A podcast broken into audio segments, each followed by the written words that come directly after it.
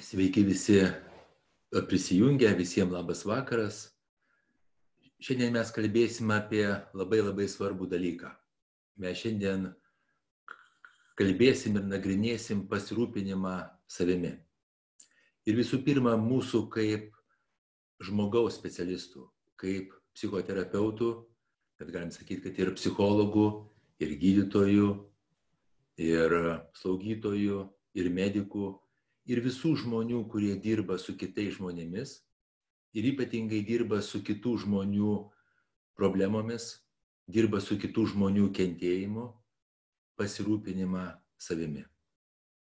Ir bus keletas mokymų šitai temai skirta, bet šiandien aš noriu šį mokymą paskirti, kaip mes galim pasirūpinti savimi, remdamiesi šio laikinės kognityvinės elgesio terapijos pasiekimais ir plačiaja prasme, ne vien tik klasikinė sket, bet pačia plačiaja prasme. Ir aš remsiuosi James Bennett Levio knyga, ir, bet daug duosiu medžiagos, kuri yra grinai mano, kuri remiasi mano patirtimi, mano žiniomis ir mano įgūdžiais.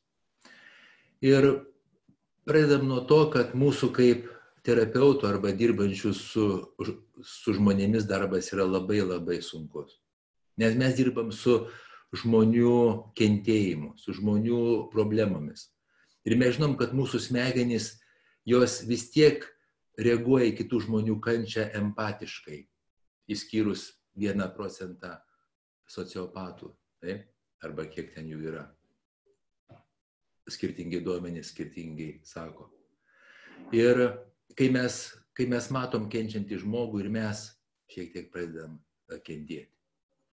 Antra, mūsų darbas yra labai kvalifikuotas, jis reikalauja labai specifinių daug įgūdžių, reikalauja bendrųjų kompetencijų, specialiųjų kompetencijų ir specifinių, kurios, kurios reikalingos būtent tai situacijai, kurioje mes esame mūsų darbas labai atsakingas, nes nuo mūsų priklauso žmonių sveikata, kartais likimas. Mes dirbam su jį labai jautriais dalykais, labai atsargiai su patarimais, su visokiais paskirimais. Ir mes žinom, kad yra posakis, kad kiekvienas gydytojas turi savo kapinaitės. Tai galim sakyti, kiekvienas psichoterapeutas turi savo žmonių kažkokiu tai truputį nelaimių sąrašą, kurį padarė šitas nelaimės psichoterapeuto nekompetencija. Ir dėl to mes turim labai atsakingai dirbti su žmonėmis. Ir šitas darbas įtakoja mūsų pačių gyvenimus ir kelia riziką mūsų pačių likimui. Mes norim ar nenorim, mes kartais imituojam dėl to, kad mūsų taip smegenys veikia kitų žmonių mąstymą, elgesį, jų jautimasi. Mes mokomės būdami iš kit, su kitais žmonėmis iš jų ir kartais mokomės ne visai gerų dalykų. Ir psichoterapijoje tikrai yra to, kad psichoterapeutai patiria gyvenimo problemų dėl savo darbo. Ir dėl to mes turim viso šito išvengti. Ir, ir, ir viena iš galimybių, viena iš svarbiausių galimybių yra mokytis pasirūpinti savim. Ir būtent psichoterapeutų ir kitų žmogaus specialistų pasirūpinimas savimi yra visų pirma mokymasis ir mokymasis santykio su tokiais objektais kaip aš pats, tai yra savo santykio su savimi tobulinimas ir į jį įeina savęs supratimas visų pirma. Mes galim santykį su savim tobulinti, jeigu tik save suprantam. Antras žingsnis yra savęs pripažinimas, prieimimas. Ir trečias žingsnis yra savo santykio su savim keitimas. Tada įsisamonimas labai aiškus priimantis su atjauta, kad aš esu toks ir toks, mano santykiai su savimi yra toks ir toks. įsisamonimas savo schemų, režimų ir visų kitų dalykų, kurie veikia mūsų santykių su savim, o to tikrai yra labai daug. Ir tada, koks aš noriu būti, kokį santykį aš noriu turėti su savim, bet ne kažkaip tai abstrakčiai noriu gerą santykį turėti, noriu mylėti save. Ne. Aš noriu žinoti labai tiksliai, kokie mano įsitikinimai, mintys ir taisyklės turėtų būti, mano nuomonė, su savim pačiais. Kaip aš turiu elgtis su savim pačiais. Kaip aš turiu priimti savo netobulumą, savo klaidas, savo sėkmę. Nes aš paauglystėje skaičiau tokią knygą, kur buvo, buvo parašyta, kad kiekvienas žmogus turi praeiti išbandymus ugnim, vandeniu ir variniam trūbom. Ir aš nesupratau paauglystėje, ką reiškia varinės trūbos. Ir, ir aš dabar žinau, tai yra sėkmė. Tai yra pasiekimai. Ir tas išbandymas sėkme yra nemažiau svarbus ir nemažiau rizikingas negu, negu vandeniu ir liepsna. Taip pat mes galime įsisamoninti savo santykių su pasauliu, kitais žmonėm, pradedami nuo supratimo, koks mūsų santykis su pasauliu yra. Koks mūsų santykis yra su kitais žmonėmis. Tada antras žingsnis mes pripažįstam savo santykį ir prieimam. Ir nieko mes negalim keisti, jeigu praleisim šitą žingsnį, jeigu mes nepripažinsim ir, ir neprimsim to. Ir tada mes perinam prie savo santykio su pasauliu ir kitais žmonėmis keitimo. Įsisamonimas jis yra toks, mano santykis su pasauliu yra toks, mano įstikinimai, taisyklės, kas liečia pasaulį, yra tokios ir tokios o aš noriu, kad jos būtų tokios ir tokios. Tada mes per patirtis ir per kitas intervencijas tą galime keisti. Taigi tai, ką aš noriu šiandien jum pristatyti, tai yra metodas, kuris susideda iš dviejų labai svarbių komponentų. Tai yra savirefleksija ir praktika su savimi. Ir tie abu du komponentai labai susiję. Kai mes vykdom savirefleksiją, mes galim praktikuoti savimi. Kai mes praktikuojam savim, mes galim vykdyti savirefleksiją. Vienas be kito naudos mums neduoda.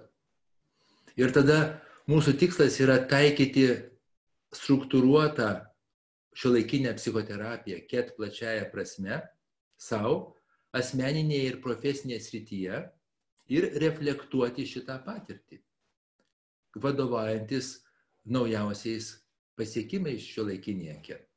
Laikinė ket skiriasi nuo klasikinės ket. Keletų aspektų. Visų pirma, tai šiuolaikinė ket domisi ne tik minčių turiniu, minties turiniu, bet ir mūsų santykių su mintimis. Ir skatinama orientuotis ne tik į turinį minties įvykiais, bet ir į procesą.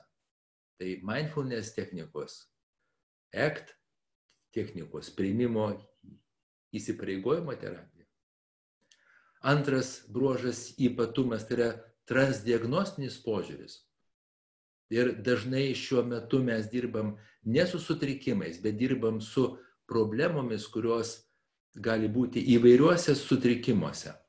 Tokiuose kaip, kaip jausmų ir emocijų reguliavimas. Pavyzdžiui, nerimo, pykčio. Kaip, kaip, kaip mūsų savivertės problemos kaip mūsų įgūdžių lavinimas.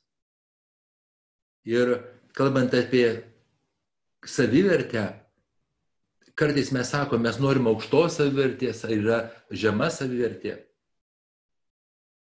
Aš, pavyzdžiui, labai aiškiai turiu savo poziciją, kad ir aukšta savivertė, ir žema savivertė yra lyguistas dalykas. Mes turim tiesiog turėti savivertę.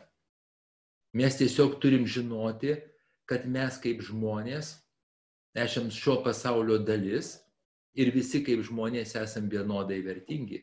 Mūsų visų savivertė yra absoliučiai vienoda, nepriklausomai nuo mūsų amžiaus, lyties, turto, grožio, svorio, pasiekimų, žinomumo. Ir nepriklauso nuo to, ar kas nors nori sumažinti mūsų savivertę specialiai. Mūsų savivertė nuo to nemažėja, kad kas nors nori ją mažinti.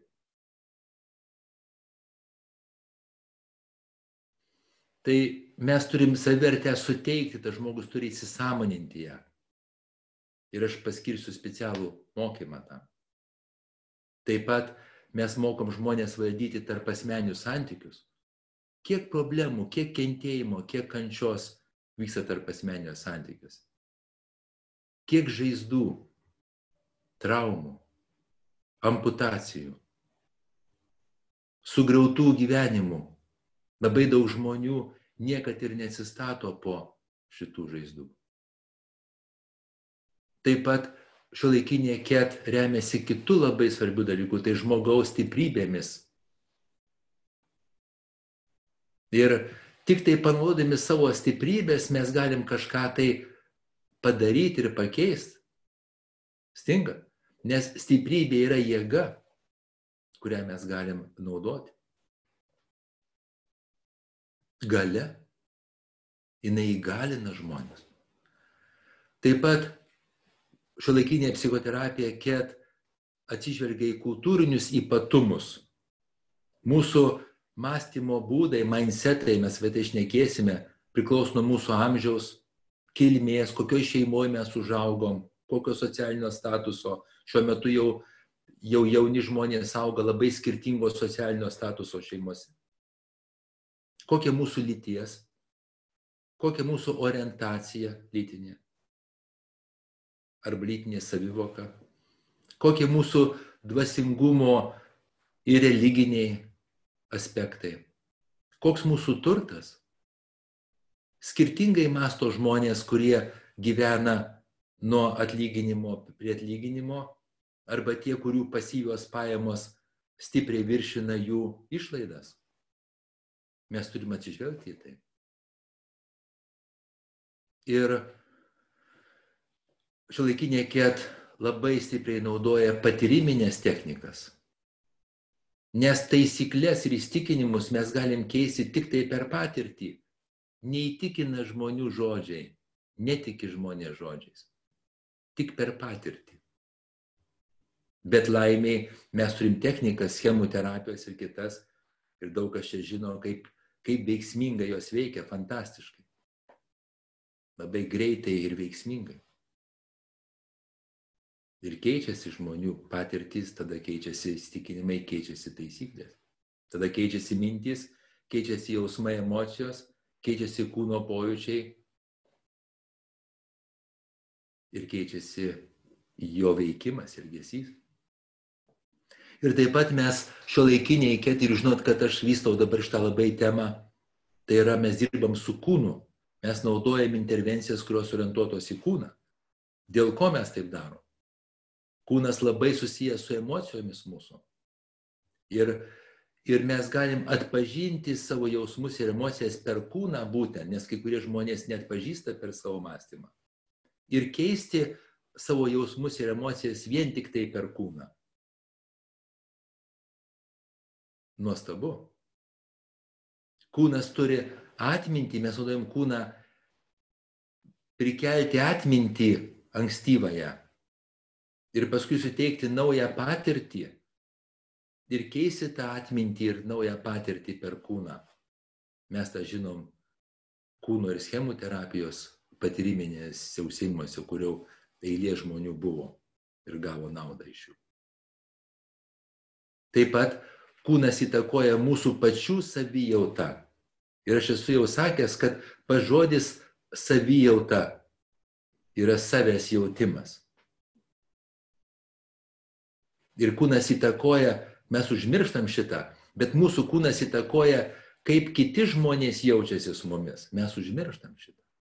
Bet tas yra akivaizdu. Mūsų kūno kalba įtakoja kitus žmonės. Jie keičia savo kūno kalbą, tada mes jau reaguojam į tai. Ir gaunasi užburtas ratas. Mes per kūną įtakojam vienas kitą. Ir labai gerai būtų įsisamoninti tai ir žinoti tai. Ir naudoti tai savo gyvenime. Taigi, pristatysiu Jums tą metodą, kurį James Bennett Levy ir, ir kiti autoriai pristatė kaip naujas būdas būti, new ways of being, arba galim sakyti, naujas būdas gyventi. Ir tai nėra naujas gyvenimas. Man juokingai skamba naujas gyvenimas. Nes kiekvieną minutę yra naujas gyvenimas. Ar ne? Stinga. Nes jeigu mes įsisamonam savo gyvenimą ir darom išminties pauzes, tai po kiekvienos išminties pauzės mes gyvenam naują gyvenimą. Kas naudojate iš jūsų trijų žingsnių kvėpavimo pauzę? Siūlau pažiūrėti, aš įrašiau tokį įrašą. Po kiekvienos trijų žingsnių kvėpavimo pauzės arba lygų išminties pauzės prasideda mūsų naujas gyvenimas.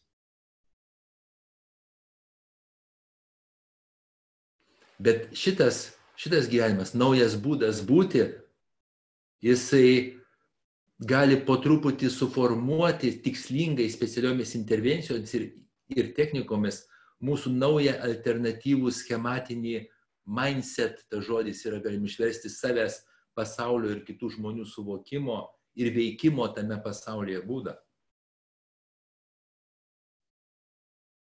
Arba savo pasaulio suvokimo ir veikimo jame modelį. Tada sukurti konkurenciją tarp seno būdo būti, seno būdo gyventi, tai yra senasis mindset, seniai įstikinimai, taisyklės ir mūsų veikimo būdas šitame pasaulyje ir tarp naujo būdo, ko mes specialiai mokomės. Ir atsiranda konkurencija. Tada mes galim interpretuoti naujas patirtis jau iš naujo būdo būti perspektyvos. Ir po to, kai mes tą darom nuolat, mes galim pereiti į kitą net ir ankstesnės savo patirtis galim interpretuoti iš naujo, jau nebe iš seno modelio, bet iš naujo modelio. Tada galim naudoti elgesio eksperimentus, ekspozicijas, keisti elgesį, remdamiesi tuo naujų modeliu ir gauti naujas patirtis. Ir tada, galų gale, nuostabiausias momentas mes galim įkūnyti naują būdą būti. Ir dar galim pagalvokit, ką reiškia įkūnyti žodis. Reiškia paversti kūnu arba įtraukti į savo kūną. Mes vis daugiau dirbsim, aš vis daugiau dirbsiu ir skatinsiu, ir skatinsiu mūsų kurso dalyvius vis daugiau dirbti per kūną. Tai mes įkūnėm tą naują elgesį ir per savo kūną, kas yra daug kas ir kūno kalba, ir kūno įtvirtinimas, aš apie tai dar šnekėsiu. Nuo ko pradėti? Kaip pradėti save reflektuoti ir praktikuoti su savim? Tai visų pirma, pirmas žingsnis yra įsipareigoti. Labai reikalingas žodis. Aš dėja labai palyginus neseniai to žodžio taip tikrai tą prasme supratau. Ką tai reiškia? Įsipareigoti. Žinoti, kodėl, ką ir kaip aš darysiu. Ir žinoti, kad darysiu nepaisant nieko. Nes aš įsipareigojau. Žmonės labai taškosi savo įsipareigojimais.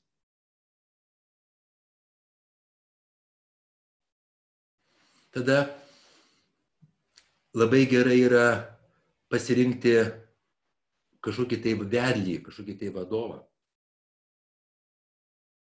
Nes tai gali būti svarbus tam, kad užtikrintų nedominuojantį, ypatingai dirbant grupėje, labai gerai šitą daryti grupėje ir mes, ir mes mūsų mokymo programuose darysim šitą. Labai struktūriškai darysim. Tai tas būtent vadovas ir vedlys jis turi užtikrinti nedominuojantį, bet bendarbiaujantį santykį su kitais žmonėmis. Jisai turi padėti grupės dalyviams suprasti procesą šito visko, esmę, metodologiją, bei ją įgyvendinti žingsnis po žingsnio. Taip pat šitas vedlys ir vadovas turi užtikrinti proceso saugumą, nes mes dirbam su labai jautriais dalykais, mes dirbam su savimi. Taip pat, taip pat šitas vadovas turi traukti žmonės į grupinį procesą, padėti lavinti savirefleksinės kompetencijas, padrasinti, palaikyti, stiprinti dalyvius. Labai svarbus vaidmuo. Ir jeigu mes nu, apsprendėm daryti tą savirefleksiją ir praktiką savim, mes turim nelaukti, kol atsiras įkvėpimas, nes jeigu lauksim, galim niekada nesulaukti, galime anksčiau išeiti iš šito, šito žemės. Įkvėpimas ateina, kai mes darom, jau mes tą žinom. Mes turim nusiteikti stipriom emocijom, nes mes dirbam su labai jautriom temom. Turim žinoti, kaip su juom tvarkysimės ir vadovas čia yra labai svarbus. Turim nusteikti ambivalencijai, tai yra prieštaringumas tendencijom ir noriu ir kartu nenoriu. Ir norui nutraukti pastangas. Ir tada tam padėti mums gali klausimai, kodėl man tai svarbu. Ir gali labai gerai suveikti ket technika, klasikinės ket technika įveikos kortelė. Jeigu man ateina dvėjojimai, įsitraukiu įveikos kortelę ir pažiūrau, pirmas punktas, antras punktas, trečias punktas, ką man reikia žinoti ir ką man reikia daryti. Nes tuo metu protas mano kažkur slankėjasi. Mes turime įsipareigoti grįžti po natūralių pertraukų, kaip atostogos lyga. Ir mes turim rašyti dienoraštį. Čia labai svarbus dalykas. Iš viso dienoraščio rašymas yra išmintingų žmonių bruožas. Nes dienoraštis padeda decentruotis, nestapatinti su savo mintimis, savo impulsais veikti, netapti tuo, kas mintys yra impulsai veikti. Dienoraščio rašymas moko perdirbti informaciją, nes jeigu aš rašau, mano, mano kaktinės kiltis dirba. Ir informaciją iš karto aš perdirbu. Ir dienoraščio rašymas padeda užfiksuoti atmintyje tai, kas vyksta. Tiek faktus, tiek, tiek mūsų interpretacijas, mintis, emocijas, perdirbimą. Mes daug geriau įsisamonam savo gyvenimą, jeigu mes rašom dienoraštį. Aš čia galėčiau, gal ir padarysiu, čia galima valandą, keletą valandų šnekėti apie mokslinius tyrimus, kurie patvirtina, kad, kad tai, yra, tai yra labai svarbu ir labai veiksminga. Mes turim turėti laiką tam skirtą ir saugią vietą, motivuojančią vietą, kur, kur, kur mes darom šitą darbą. Ir pats svarbiausia, kad po praktikų iš karto fiksuoti savirefleksijas, nes jos bus naujas stimulas vėl dar geresniem praktikom. Ir jeigu mes dirbam su problema, labai svarbu tą problemą iškelti, iššaukti, tada mes galim taikyti vaizduotę, įsivaizduoti specifines situacijas, kur ta problema kyla, kur tos emocijos ir jausmai ypatingai stiprus. Su kuo daugiau detalių, spalvos, garsai, kas ką sakė, kaip atrodė, kas ten buvo. Naudoti savo kūną ir jausti savo kūną fiziškai ir, jausm, ir jausmiškai, emociškai. Ir labai svarbus dalykas - neskubėti perdirbti savo mintis ir jausmus, pabūti su juom.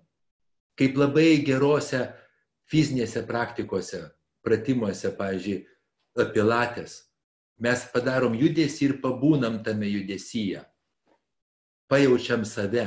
Tai yra fantastinis dalykas, aš praktikuoju. Ir tada mes turėtumėm pastebėti tai, ko nesitikėjom.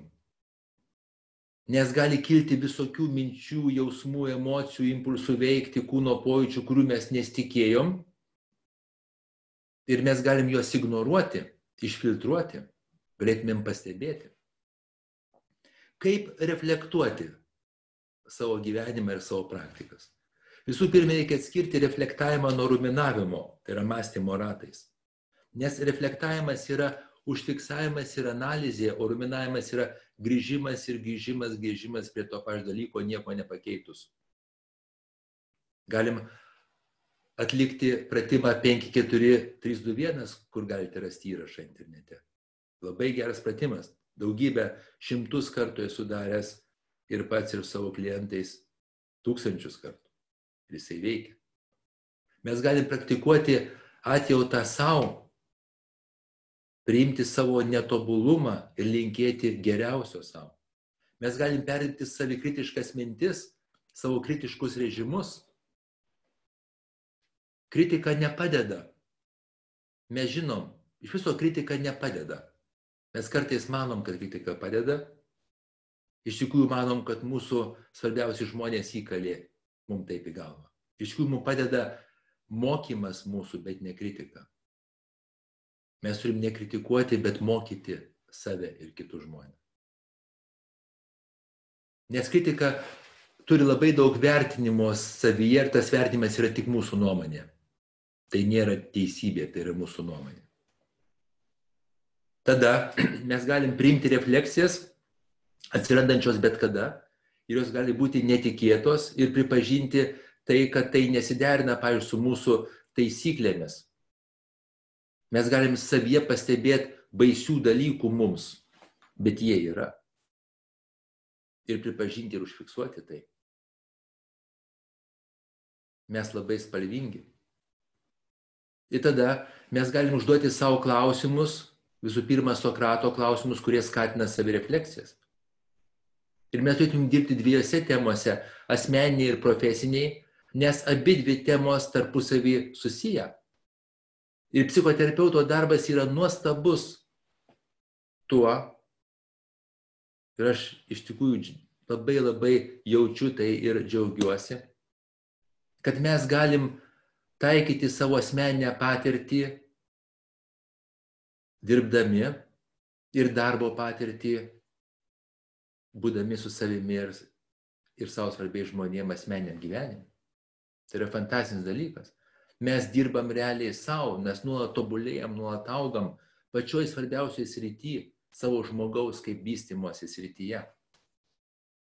Ir jeigu mes rašom būtent savirefleksijas, turėtum rašyti pirmo asmeniu aš.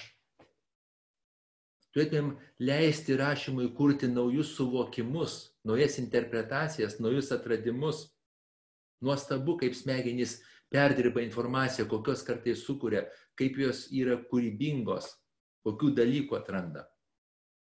Ir labai svarbu būkite sąžiningi, nemeluokite savo. Nes jeigu mes meluosim savo, su kuo mes dirbsim, kokį mes naują būti kursime. Niekas, mes galim paslėpti savo dienoraštį. Ir tada mes įsamonam tą pasirūpinimą savim, įsisamindami savo poreikius fizinius, jausminius, emocinius, bendravimo, dvasinius, kūno. Ir galim susiplanuoti planingai ir sąmoningai tenkinti iš tuos poreikius, priimtinu būdu. Ir labai svarbu nesitikėti tobulumo, nes tai neįmanoma. Ir tada mes galim pradėti savirefleksiją praktiką nuo probleminių sričių nustatymo. Tai gali būti klinikinės būsenos, tada mes naudojam testus.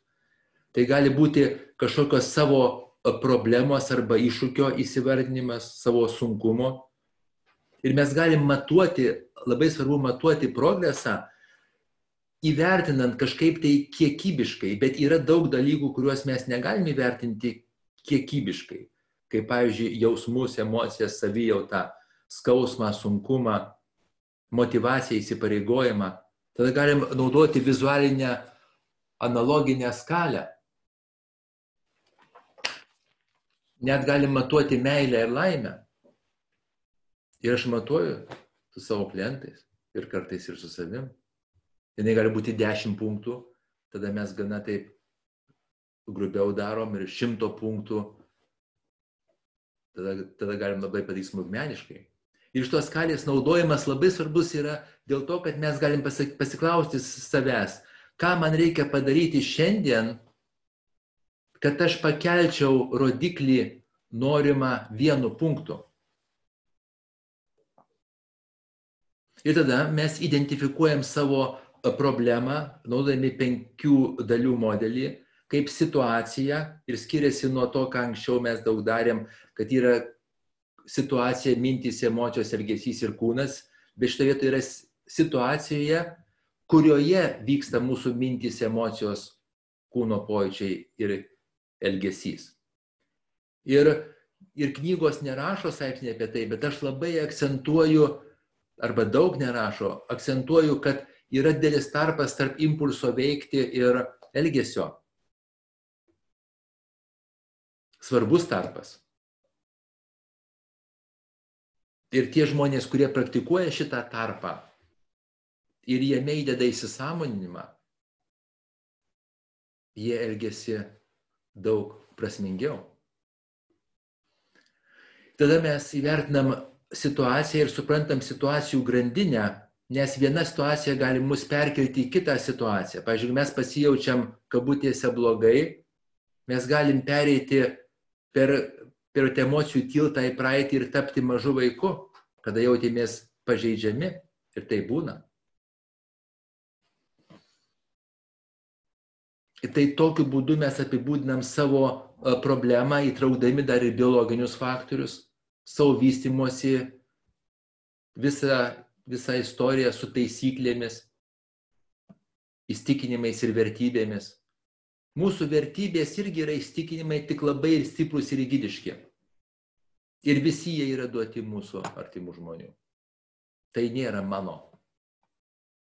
Arba kuo mažiau mes apie tai galvojam, tuo mažiau mano. Kuo daugiau galvojam, mes turim galimybę truputį padaryti šiftą, truputį pakeisti nuo to, ką mums pasakojo mūsų artimieji. Ir labai gerai įtraukti savo dvasingumo įstikinimus ir dvasingumo praktikas. Tada mes sukuriam savo tikslą, naudodami smart kriterijas, jis turi būti specifinis, pamatuojamas, pasiekiamas ir tinkamas. Ir turi tilpti laiko rėmus, išdėstytas laikė. Ir galim įsitvirtinti vieną tikslą arba keletą jų ir pradedam siekti jų. Ir tikslo pasiekimo strategijos yra savęs klausimas, kokius resursus naudosiu, vidinius išorinius, kokius žingsnius turiu žengti ir kokia tvarka, ką darysiu ir kaip. Visi tie, visi tie punktai yra labai svarbus. Kokie sunkumai ir kliūtis gali atsirasti ir kaip su jais susitvarkysiu. Ir Ir kai mes dirbam su tikslu, galim nuoti visas technikas ir vaizduotę, ir planavimą raštu, ir kartu reflektavimą, kai einam link tikslo. Ir kalbant apie savo resursus, žinoti, kad jie yra vidiniai ir išoriniai. Vidiniai, vidiniai mūsų resursai yra mūsų kompetencijos, tai mūsų žinios ir įgūdžiai, taip pat mūsų stiprybės ir jos gali būti jau turimos, kurias jau jau galim naudoti ir gali būti norimos ir galimos išmokti, įgyti. Ir labai svarbus resursas yra mūsų laikas. Mes turim savęs pasiklausti, nes mes esam visi užpildę savo dieną ir savo gyvenimą. Jeigu mes norim praktikuoti kažką tai naują, aš jau apie tai išnekėjau, mes turim padaryti vietos, turim nepraktikuoti kažko tai seno.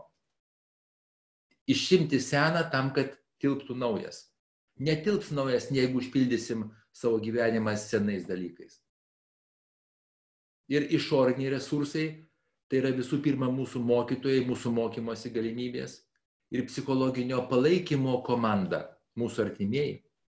Tada mes pradedam nuo elgesio aktyvavimo ir surašom savo dieną, kas valandą, dar geriau kas pusvalandį, Maskas daro kas 15 minučių, bet aš nesiūlau taip jums daryti kas pusvalandį užtenka.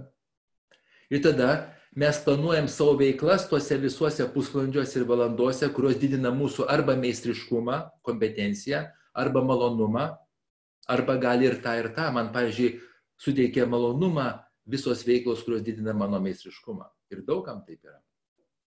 Tada paskirstom tas veiklas pagal, pagal svarbą ir skubumą ir darom tas, kurios yra ir skubios, ir svarbios. Po to, kurios yra svarbios, bet neskubios. Tik po to, kurios yra skubios, bet nesvarbios. Ir atsisakom visai daryti, kas nėra nei svarbu, nei skubu. Ir pasidarom hierarchiją, tada aiškiai. Tada įtraukiam tų veiklų meistriškumą ir malonumą didinčių visą savo, į visą savo dienotvarkę, kitaip sakant, į savo gyvenimą. Įsisamonam, kaip kiekviena veikla veikia mus šiuo metu, kaip veiks planuojam artimiausių metų ir ilguoju laikotarpiu. Ir įsisamonam, kaip tos veiklos įtakos mūsų santykiai su savimi, su pasauliu ir kitais žmonėmis.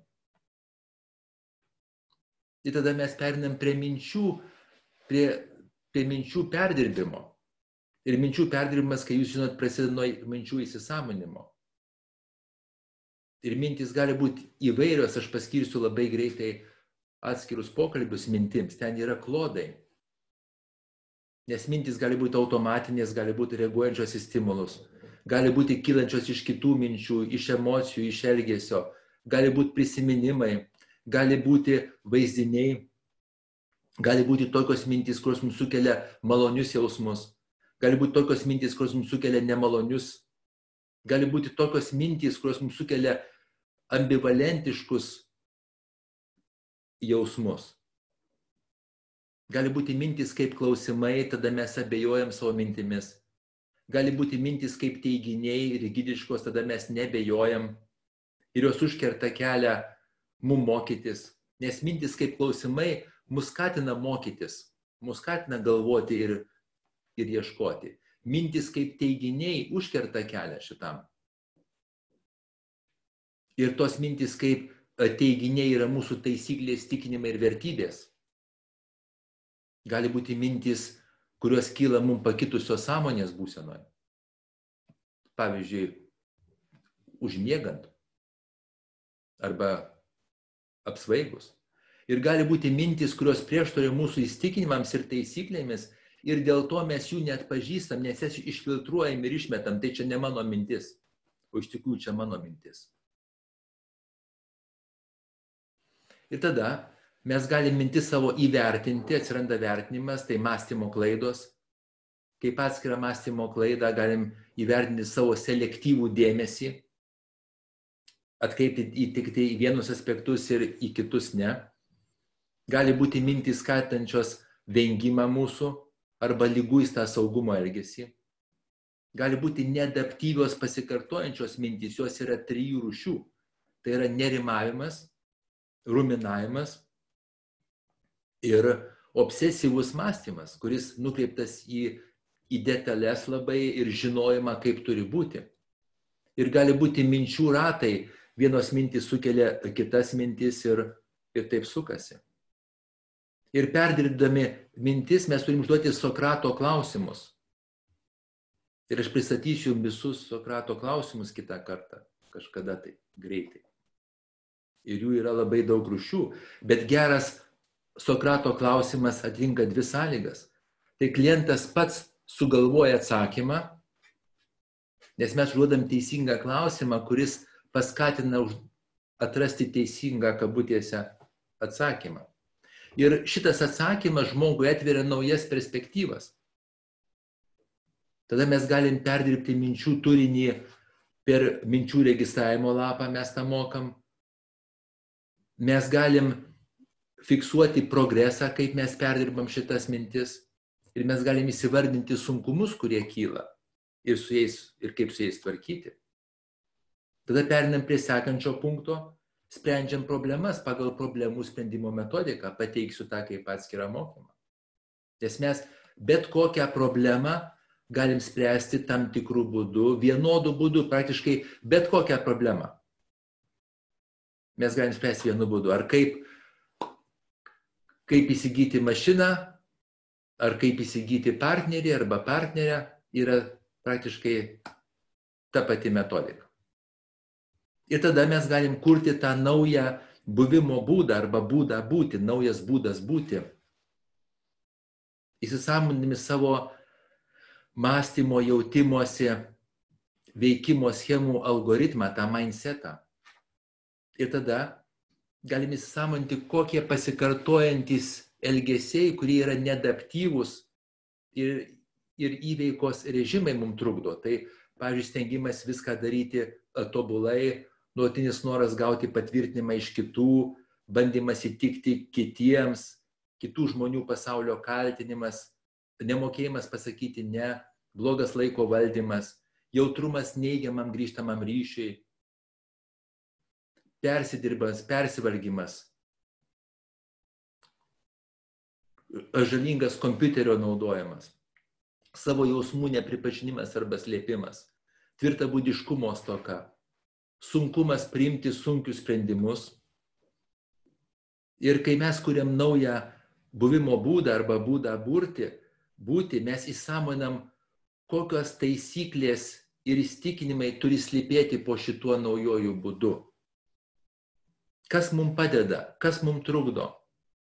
Ir įsamoninti, kad žalingi dalykai irgi mums padeda trumpuoju laikotarpiu, dėl to mes juos ir darom, dėl to mes juos ir kartojam, bet tas padėjimas yra iš tikrųjų duoda mums dėlę žalą ilgalaikiu laikotarpiu.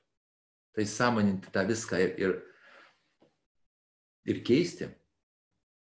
Ir tada mes turim suplanuoti įgūdžius, kuriuos norim išlavinti, kad tas naujasis būdas būti atsirastų elgesio praktikos. Ir Ir jeigu patiriam vengimą arba baimę, mes dirbam su ekspozicijom, darom laipsniškai viską, po trupinėlį, po vieną žingsniuką, kas jūsų matė, kaip aš, kaip aš dirbu su, su specifiniam fobijom. Mažas žingsniukas po mažo žingsniuko. Ir mes pasiekėm rezultatą labai greit per 3 valandas. Tai mes darom elgesio eksperimentus, mes patikrinam savo hipotezės ir tada prieinam prie paskutinio momento, tai yra naujo buvimo būdo įkūnymas, ką aš nekėjau, padarimas per kūną. Tai yra kūno įgalinimas, kuris prasideda nuo įsisamonimo savo kūno, nuo visumos įsisamonimas savo atskirų kūno dalių, statiškoje būsenoje. To pačio įsisamonimas savo kūno ir atskirų jo dalių dinaminiai būsenoje, judesyje, kūno pripažinimas, prieimimas, kūno naudojimas savęs suvokimui ir savirefleksijai, kūno naudojimas savipalaikymui, savęs palaikymui, kiek daug visko galima daryti. Aš viską jum pateiksiu, kaip tai daryti.